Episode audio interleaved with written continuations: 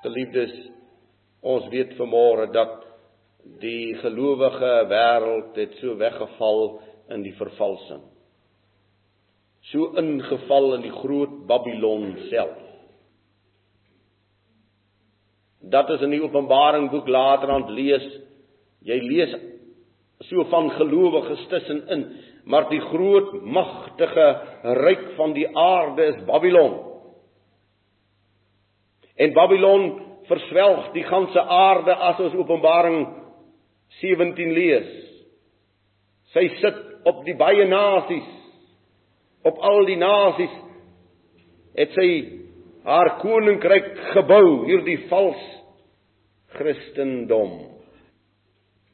Waarin daar geen krag meer is nie en geen vermoë meer is nie en geliefdes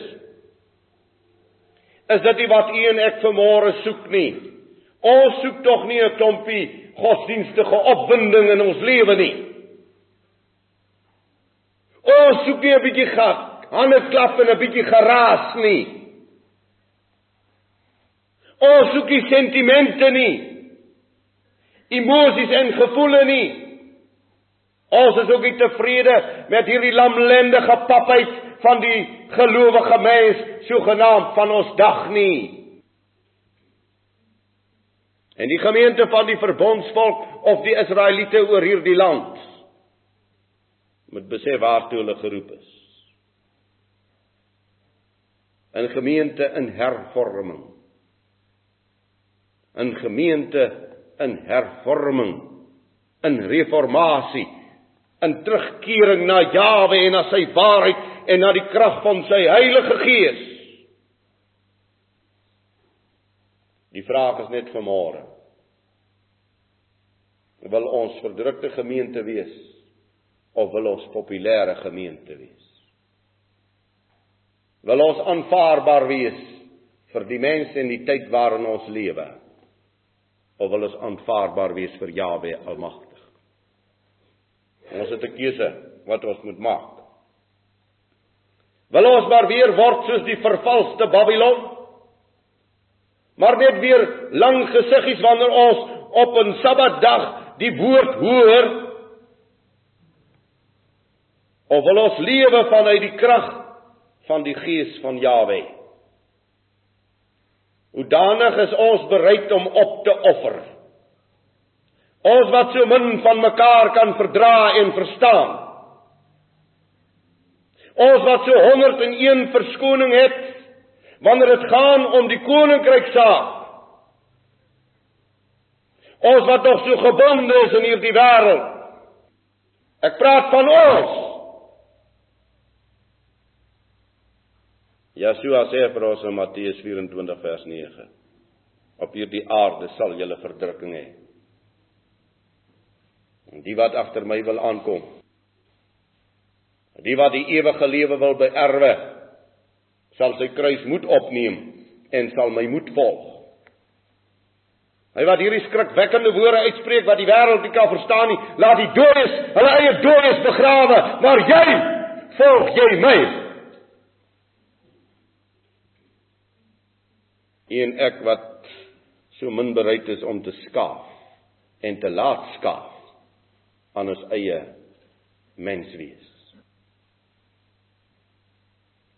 Laat ons tog nie verval geliefdes in hierdie skynheiligheid van om voor te gee wat ek nie is nie. Ons leef in 'n wêreld wat voorgee. Dit pragtige dinge voorgee. Maar die werklikheid besit as besit hulle nie. En u en ek kan so maklik ingelei word in hierdie selfde vervlakking.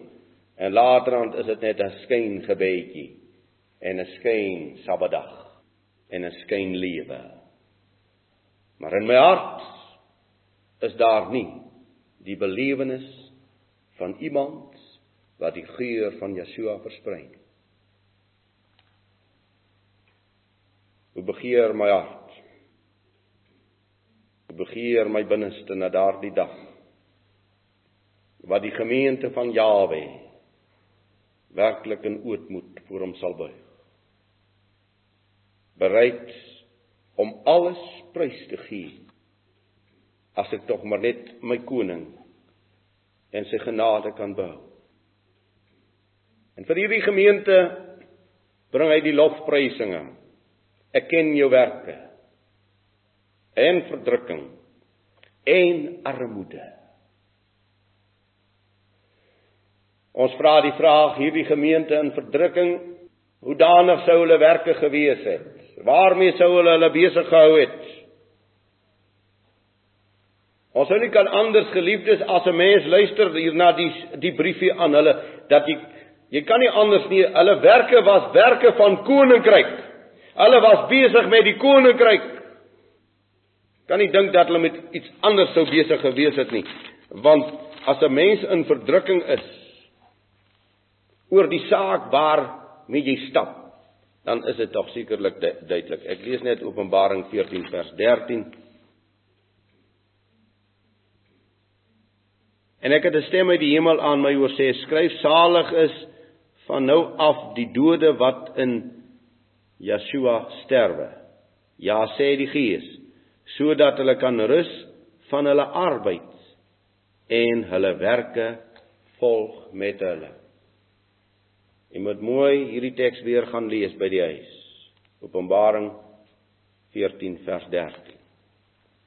Salig is hulle van nou af die dode wat in Yeshua sterwe. Ja sê die Gees sodat hulle kan rus van hulle arbeid en hulle werke volg met hulle. En nou lees ons mos jy sal loon ontvang vir die werke wat in Yeshua gedoen is. Soek die koninkryk. Nou so ons moet met die koninkrykswerke besig wees.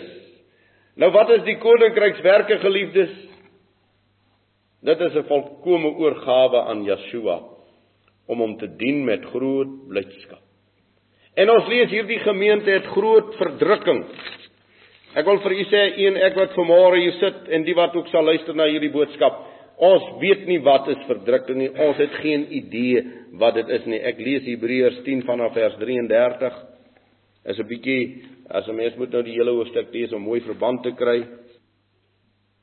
Ek lees maar so vanaf vers 32. Maar onthou die vorige dae waarin julle toe julle verlig geword het in groot lydingsworsteling deurgestaan het gedeeltelik omdat julle deur smaad en verdrukkinge in skouspel geword het gedeeltelik omdat julle deelgenote geword het van die wat so in so 'n toestand verkeer het want julle het ook saam met my gevoel in my boeye en julle het die berowing van julle goed met blydskap aanvaar omdat julle geweet het dat julle in julleself 'n beter en blywende besitting in die hemele het. Lees, hoor u wat u hier lees? Hulle het met blydskap aanvaar dat hulle beroof word van hulle eiendom, van hulle besit.